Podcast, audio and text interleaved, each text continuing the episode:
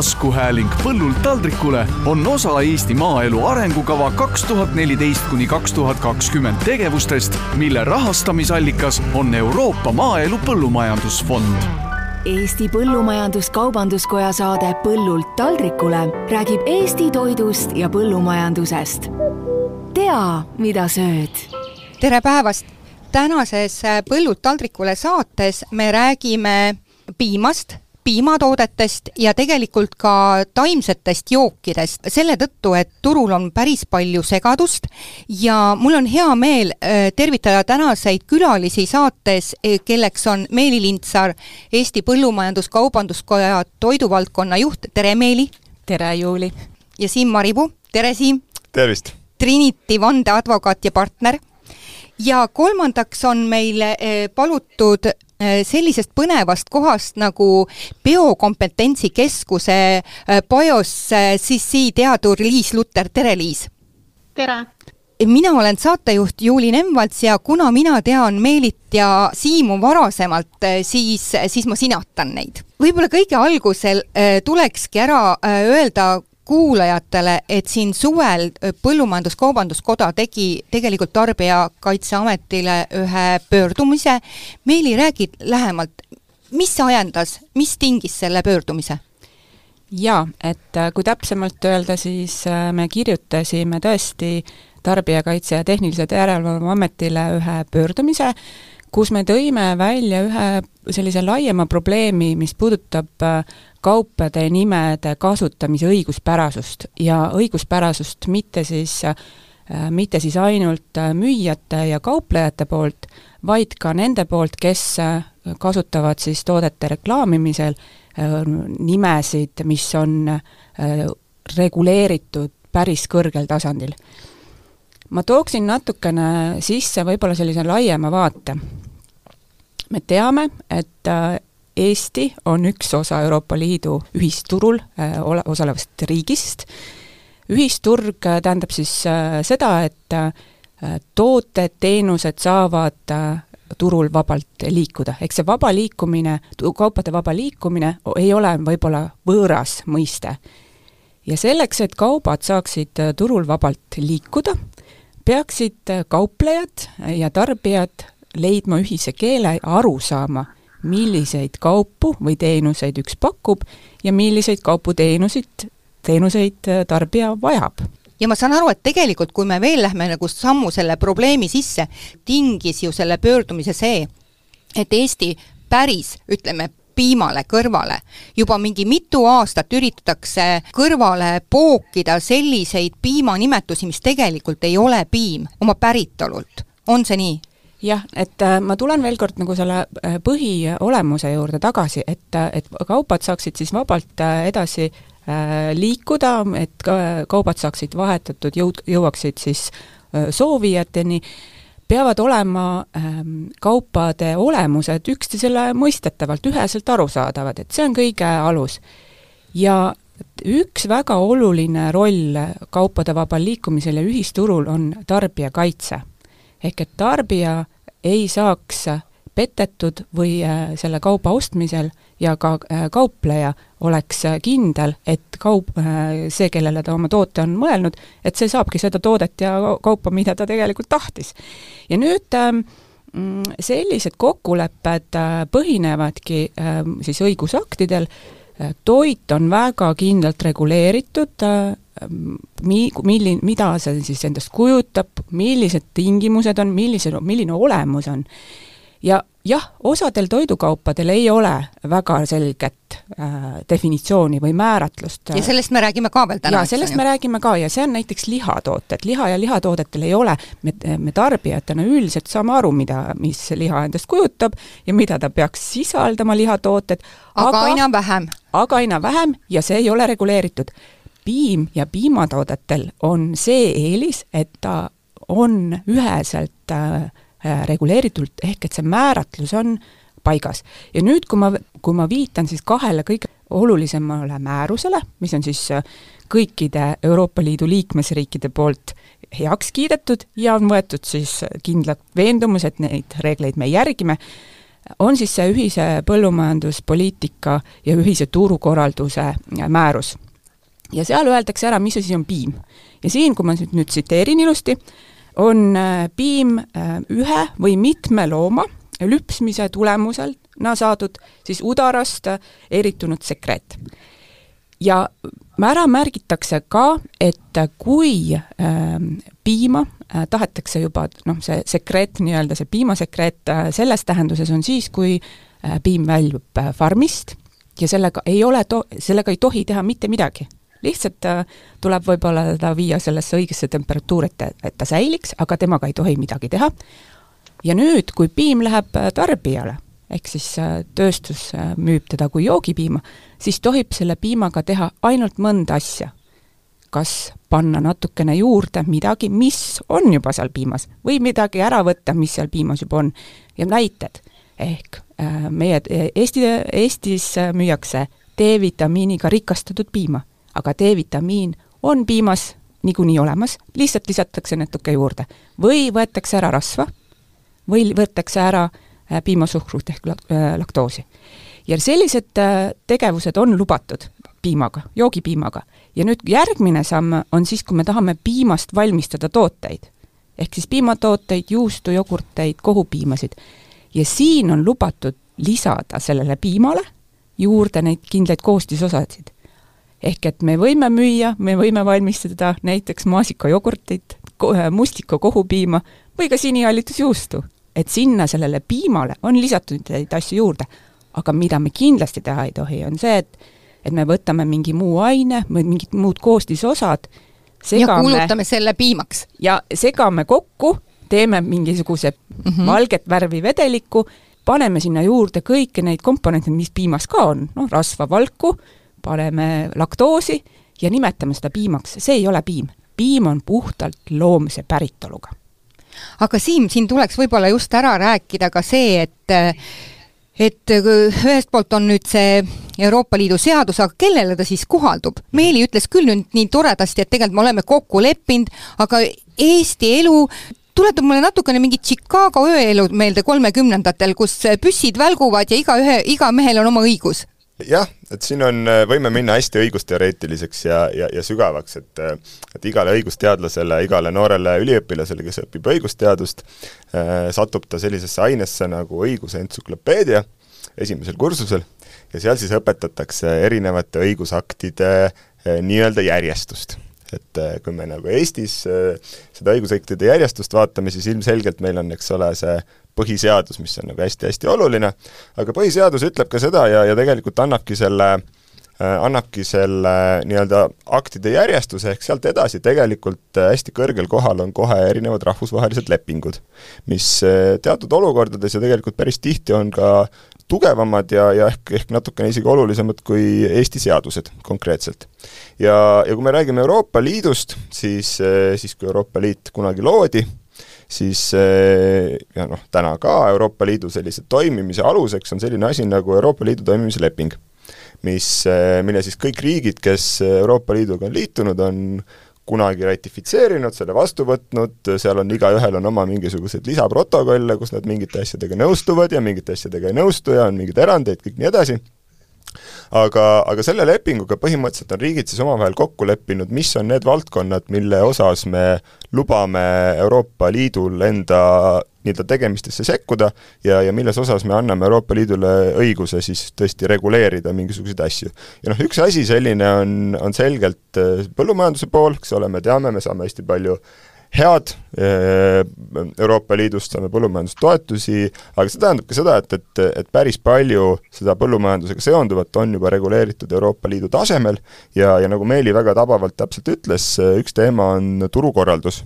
ehk, ehk Euroopa Liidu poolt eh, selleks, et tagada seesama vaba turg, selleks, et tagada tarbijate õigused ja selleks, et tagada see, et, et kõik saavad asjadest ühtemoodi aru sellel samal vabaturul, on siis äh, andnud, võtnud endale õiguse, riigid on selle talle andnud, äh, kehtestada ühine turukorraldus. ja, ja selleks, et äh, see turukorraldus kehtestada, on siis tõesti kahe tuhande kolmeteistkümnendal aastal juba kümme aastat tagasi siis juba? ja meil ikka inimesed jonnivad, nagu oleks tänasel päeval kellegi kius no just, aga ehk siis vastu võetud selline parlamendi ja nõukogu määrus, mida, mida võime, võimegi nimetada turukorralduse määruseks, mis siis reguleerib sisuliselt kõikvõimalikku toiduturgu ja sellega seonduvalt, seal on erinevaid toetusi natukene reguleeritud, aga, aga muuhulgas on seal siis tõesti reguleeritud ka erinevate toiduainete märg-, märgistamine ja kõik see ja võib-olla veel natukene nagu sellest teooriast rääkida, et kuidas see määrus siis on vastu võetud, ongi selline kord, et, et, et need sellised tugevad või kõige tähtsamad määrused võetakse vastu siis nii parlamendi, Euroopa Liidu Parlamendi kui siis Euroopa Liidu Nõukogu poolt.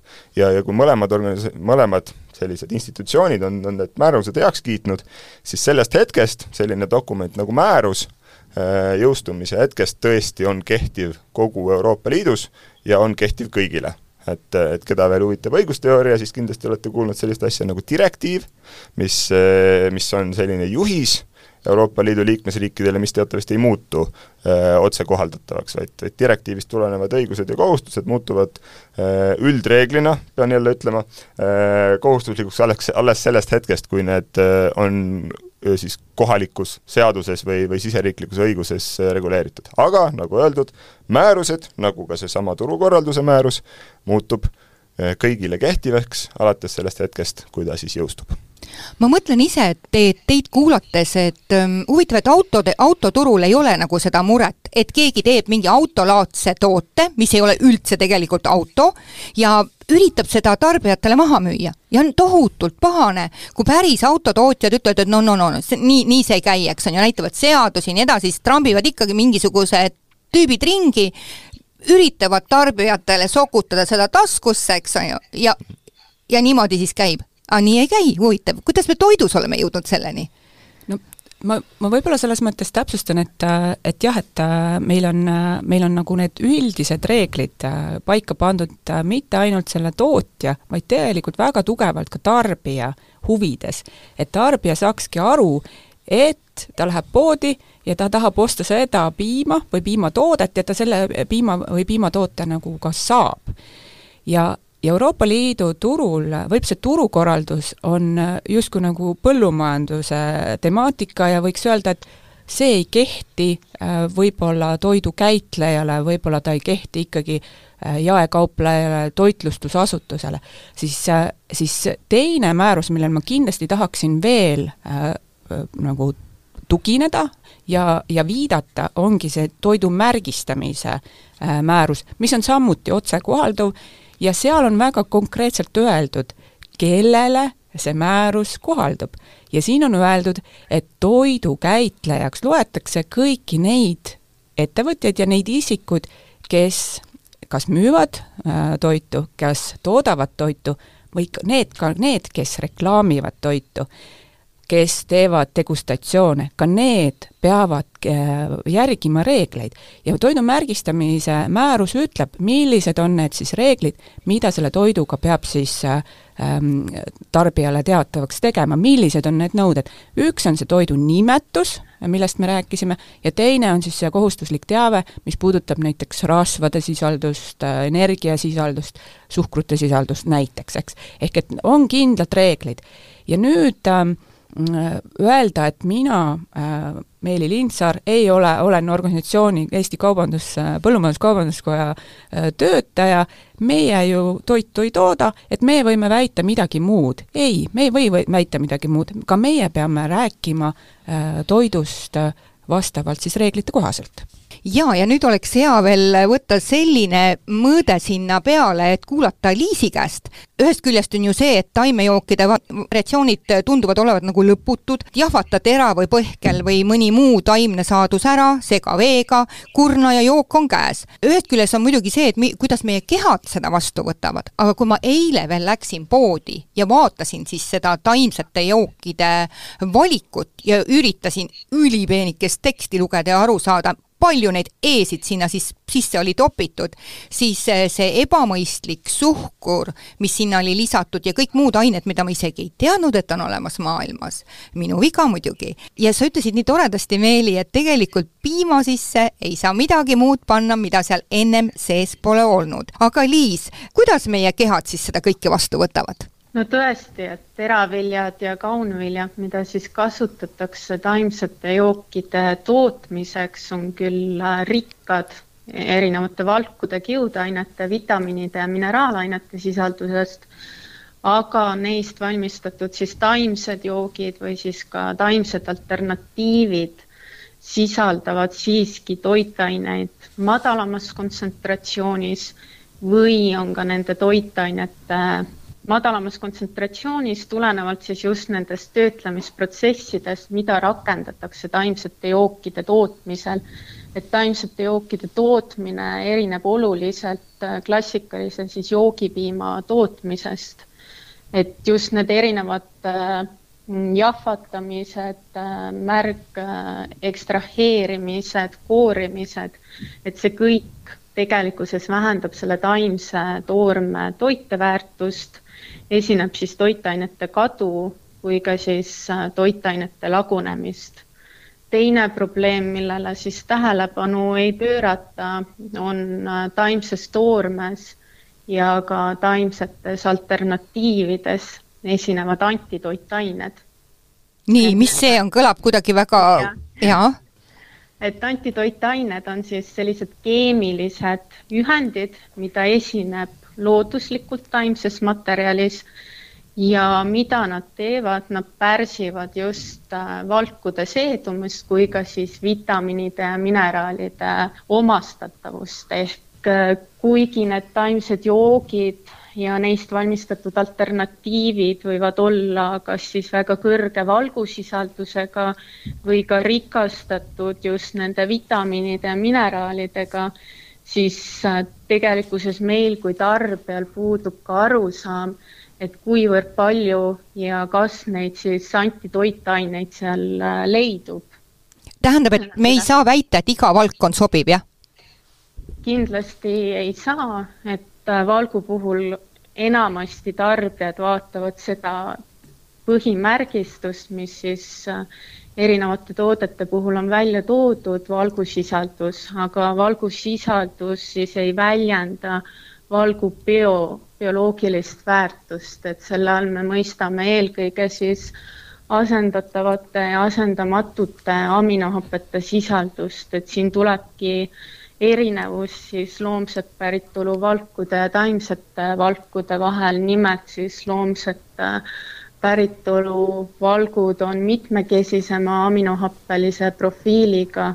eelkõige nad sisaldavad äh, just äh, asendamatuid aminohappeid, mida me peame siis toiduga saama ja mida organism kas ise ei suuda sünteesida või sünteesib siis vähesel määral. ja vot siit tulebki iva, et nendes taimsetes valkudes enamasti on nende asendamatute aminohapete puudusdefitsiit. kui me räägime piimavalgust, siis piimavalgus on kõik äh, üheksa olulist asendamatut aminohapet äh, esindatud. Liis, lugege üles ka need üheksa asendamatut Need äh, asendamatud siis aminohapped, mis äh, toiduga peaksime saama, on neid siis üheksa. selleks on siis isoleutsiin, leutsiin, treoniin, lüsiin, metioniin, süsteiin, fenüülalaniin, türosiin ja valiniin. taimsetes valkudes on siis enamasti nendest asendamatutest aminohapetest puudus just äh, lüsiinist treoniinist ja väävlit sisalduvatest aminohapetest nagu tsüsteiinist ja metioniinist. et kui me vaatame siis taimsete jookide puhul, enamasti kasutatakse ühte lähtetoorainet, et kas selleks on siis kaer, äh, sojauba või mõni muu siis taineallikas siis äh, selle baasil me saame öelda, et tegelikkuses äh, antud valgu näol ei ole tegemist siis täisväärtusliku valguga, et inimene ei saa sealt kätte siis vajalikke aminohappeid. kui aga vaatame piimatoodete, taimsete piimatoodete siis alternatiive, näiteks siis äh, jogurti alternatiive, siis seal koostises on täiendavalt kombineeritud mitut taimset Äh, valguallikat tulenevalt just sellest, et äh, garanteerida siis mitmekülgne aminohappeline profiil ja eile ma nägin ühel tootel oli isegi mingi muundatud hernes oli seal sees ja ma mõtlesin, vau, kuhu me jõuame.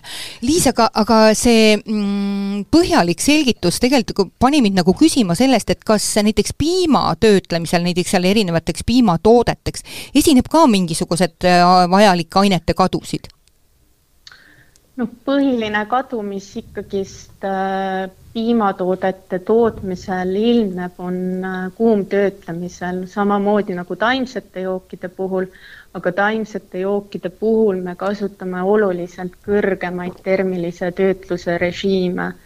et nimetatakse siis UHT töötluseks, mistõttu seda piima siis saab säilitada ka toatemperatuuril ja nii kõrged siis äh, temperatuurid põhjustavad just nende bioaktiivsete ühendite äh, lagunemist, on nendeks siis vitamiinid või mineraalained ma vahepeal veel küsiks kohe, Liis, selle juurde, et kui te ütlesite, et tal on palju kõrgemal temperatuuril, kas see nüüd ongi see ületöödeldud toit, mille eest meid tegelikult ju hoiatatakse?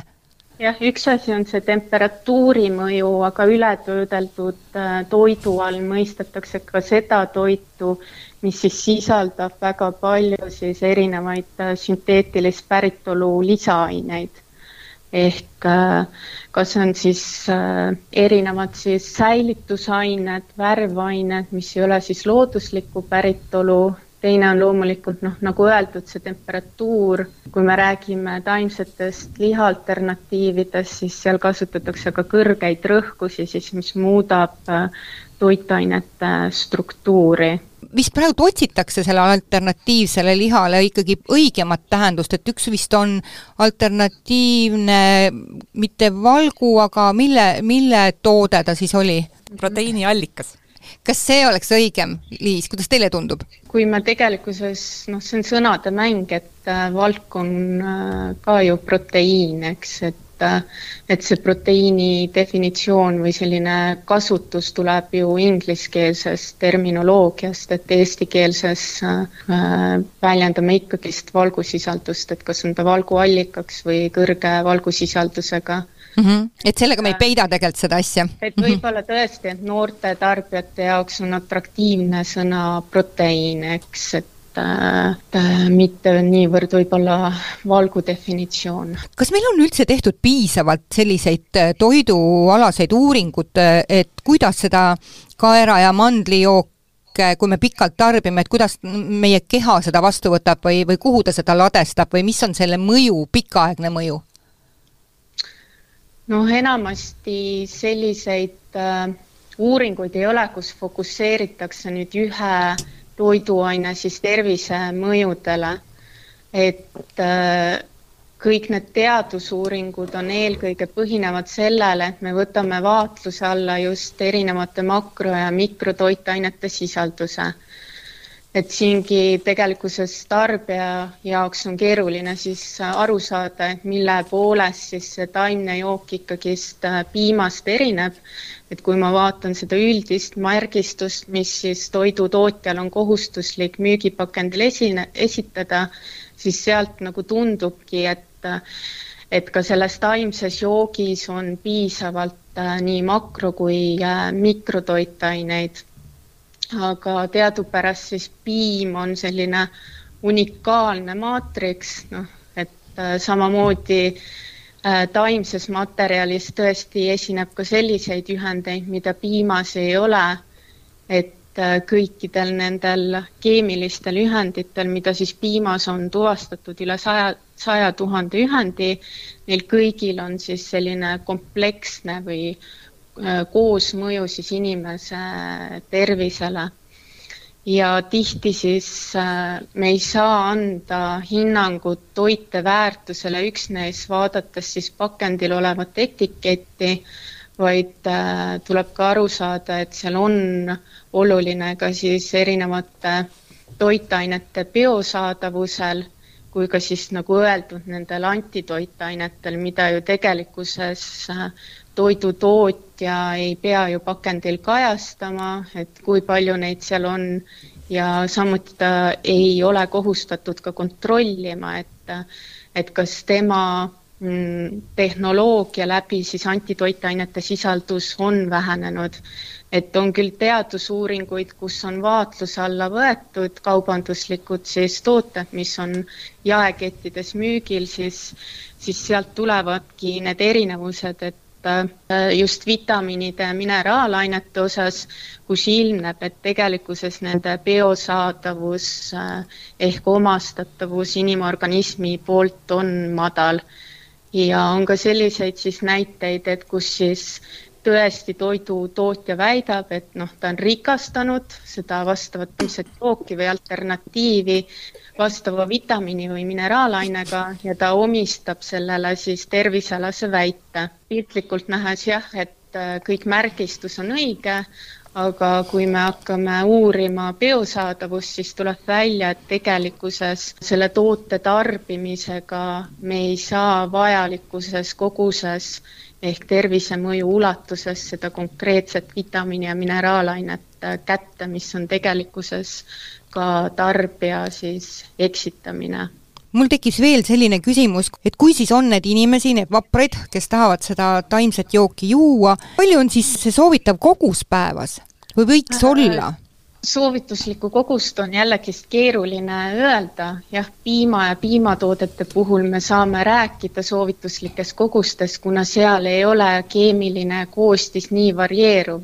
kui me võtame taimse joogi, siis taimsete jookide toiteväärtus erineb väga suurel määral.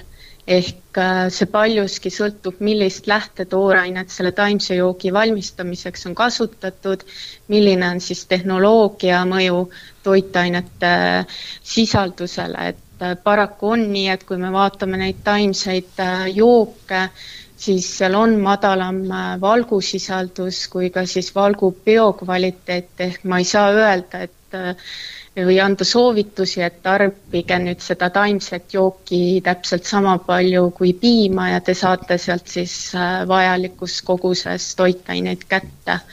ja teine oluline noh, on nüanss ka see, et äh, needsamused antitoitained, mille kohta tegelikkuses ju tarbijal puudub informatsioon, et äh, need ju mõjutavad oluliselt siis ka just nende vitamiinide, mineraalide ja valkude omastatavust jaa, ja tegelikult mulle tundub äh, teid kuulates just, et me ei vajaks nagu neid antitoitaineid, sest et neid on nagunii mingis osas kõikides toiduainetes sees ja siis eraldi juurde võtta. millest me ei ole rääkinud, on taimsetesse jookidesse lisatav suhkur. Ja mind üllatas, et äh, päris mitmes tootes eile ma ei näinudki seda suhkru protsenti või palju seda suhkrut sinna tootesse oli pandud, see oli lihtsalt üldises äh, nagu loetelus no see sõltub, et kõikide taimsete jookide puhul ei ole täiendavalt lisatud siis lisatud suhkruid, vaid see suhkur tulebki looduslikult sellest taimsest äh, toorainest. aga mõningate enamasti, kui me räägime mm, piimatoodete taimsetest alternatiividest, näiteks jogurtist või sinna tõesti on äh, lisatud täiendavalt siis lisatud suhkruid küll aga kui me võrdleme siis üldse süsivesikute suhkrute osakaalu piimas ja taimsetes jookides, siis ilmneb, et tegelikkuses nendes taimsetes jookides on siis äh, tänu siis äh, kõrgele lihtsuhkrutele, näiteks siis glükoosile, sah-, sahharoosile, just kõrge glükogeemiline indeks. see siis tähendab seda, et või ta näitab, et et äh, kui kiiresti siis toidus olevad süsivesikud siis äh, imenduvad vereringesse ja kui kiiresti nad tõstavad siis inimesel veresuhkru taset, et äh, soovituslik ikkagist WHO poolt on, et me peaksime selliseid toiduaineid vältima, sest nad põhjustavad diabeeti ja südame-veresoonkonna haiguste riski esinemist seega võib siis öelda, et lastele ei peaks neid üldse andma?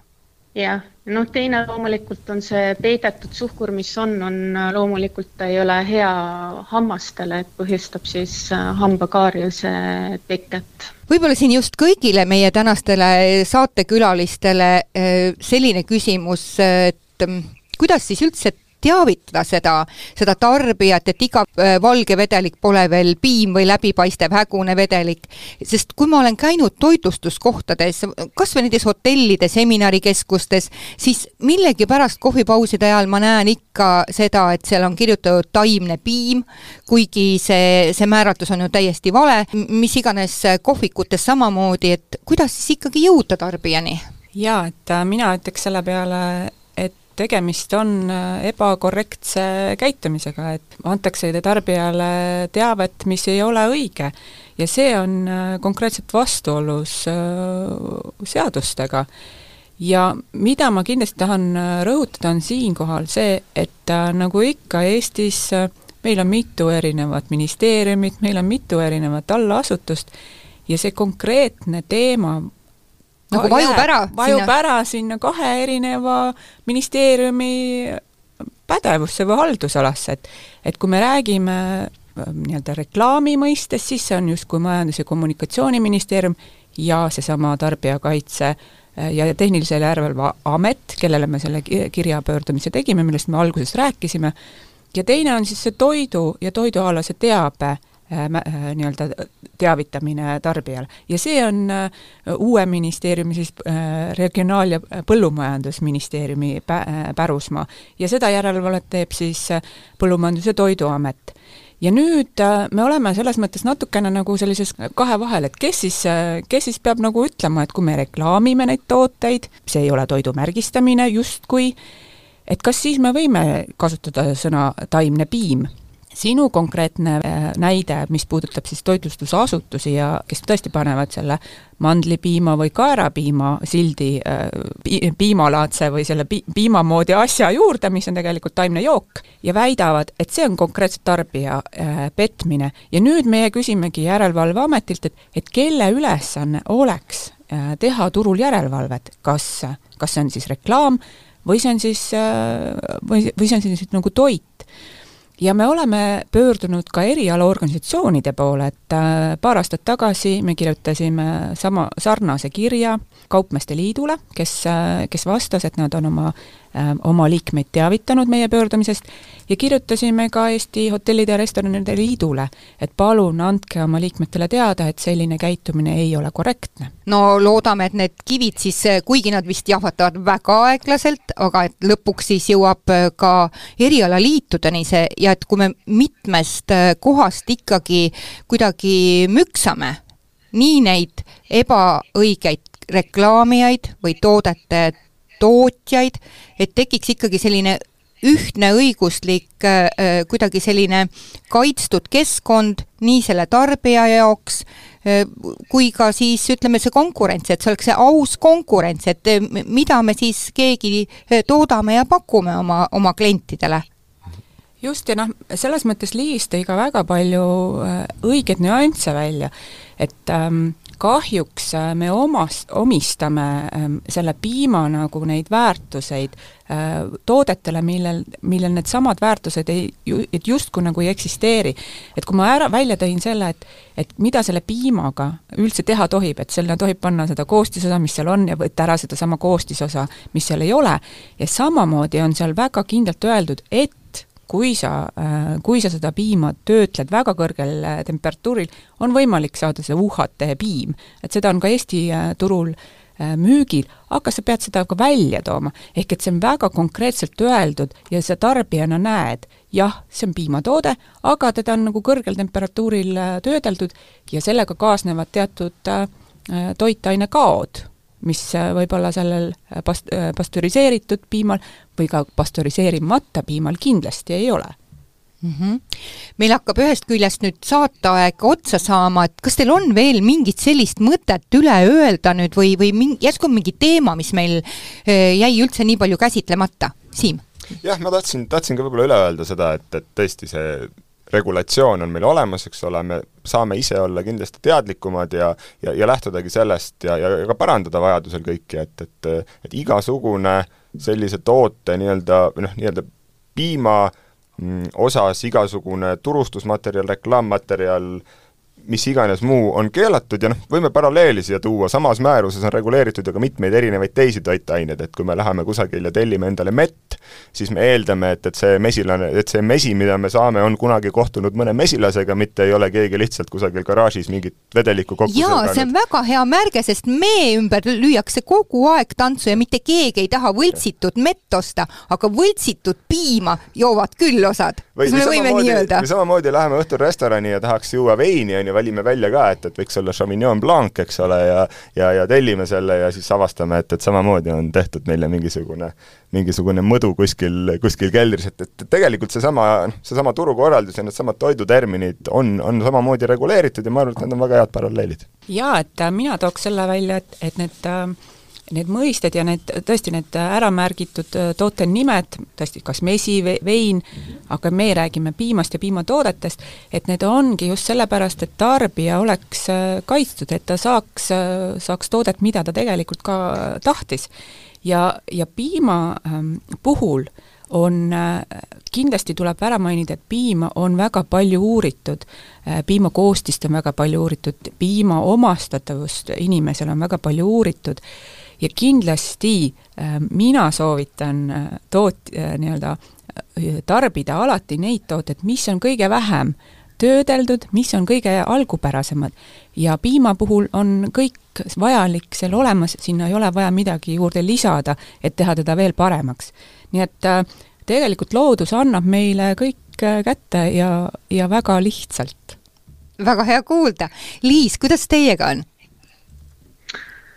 Äh, ma nõi-, nõustun eelkõnelejatega, et äh, kindlasti me peame aru saama, et äh, taimse joogi ega ühegi alternatiiviga ei ole võimalik asendada piima või piimatoodet, et kahjuks tarbijateni see arusaam ei ole jõudnud, et nad eeldavadki seda, et kui nad nüüd võtavad selle taimse joogi, siis nad saavad sealt kätte kätte kõik needsamad komponendid ja sellesama tervisemõju, mis on siis piimal ja piimatoodetel.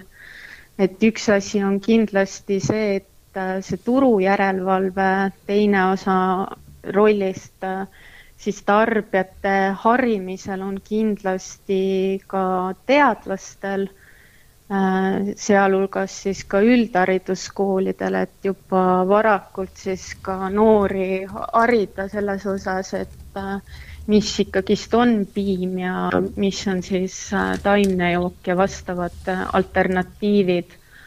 et, et kummutada siis just neid väärarusaamist ja informatsiooni, mis paljuski äh, nende erinevate taimsete alternatiivide puhul äh, esineb. Ja loomulikult siis tuleks rohkem pöörata just tähelepanu nendele tervisemõjudele, aga siis ka just ohutuse ja talutavuse uuringutele, millest äh, tegelikkuses meil nende taimsete alternatiivide puhul on vähe teavet, et need on viimastel aastatel äh, populaarsust äh, kasvatanud tooted ja tegelikkuses meil äh, ikkagist puudub arusaam, et milline on siis nende uudsete siis toodete pikaaegne mõju inimese tervisele aitäh, Liis, ja tänases saates olid meil külaliseks Eesti Põllumajandus-Kaubanduskoja toiduvaldkonna juht Meeli Lintsar, Trinity advokaadibüroo vandeadvokaat ja partner Siim Maripuu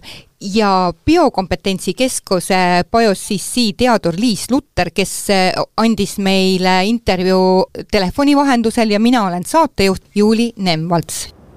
Eesti Põllumajandus-Kaubanduskoja saade Põllult taldrikule räägib Eesti toidust ja põllumajandusest. tea, mida sööd